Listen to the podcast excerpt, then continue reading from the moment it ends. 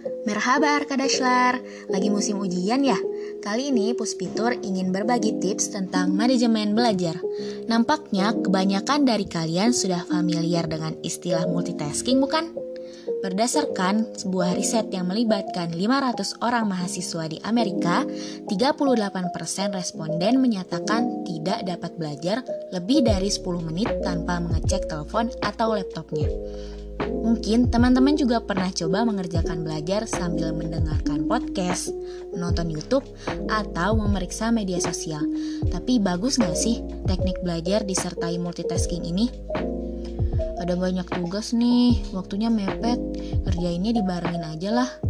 Aduh, bosan banget lihat buku doang, sambil nyetel film deh, kayaknya asik. Kita sering melakukan atau mendengar rasionalisasi kegiatan multitasking dengan pepatah sembari menyelam minum air atau sekali berenang dua tiga pulau terlampaui. Tapi, apakah benar dua pepatah ini mencerminkan manfaat multitasking?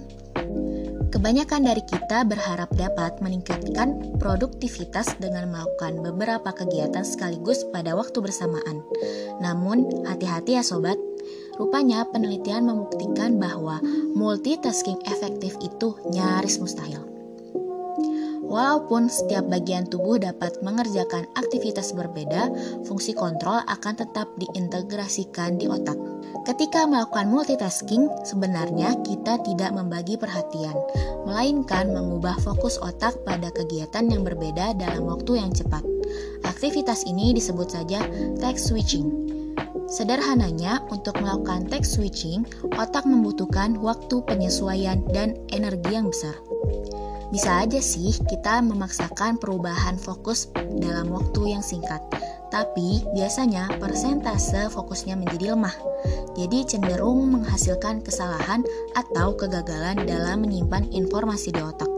Selain itu, apabila text switching dilakukan berkali-kali, misal membaca buku, 2-3 menit kemudian membalas pesan atau terus-menerus seperti itu.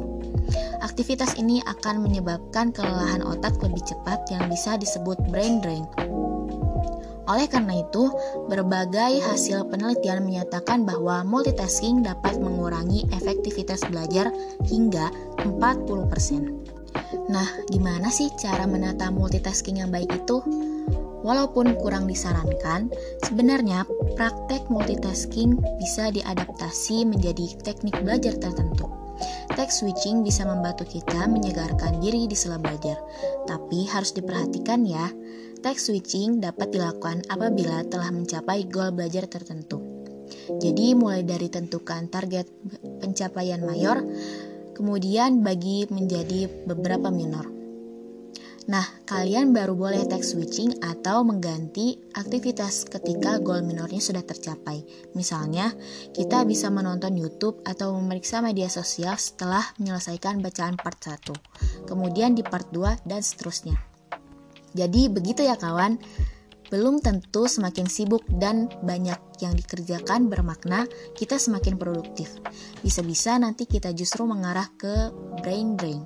Yuk, pahami teknik manajemen waktu dan energi yang tepat supaya kita bisa memaksimalkan potensi dan performa diri secara hebat. Salam puspitur.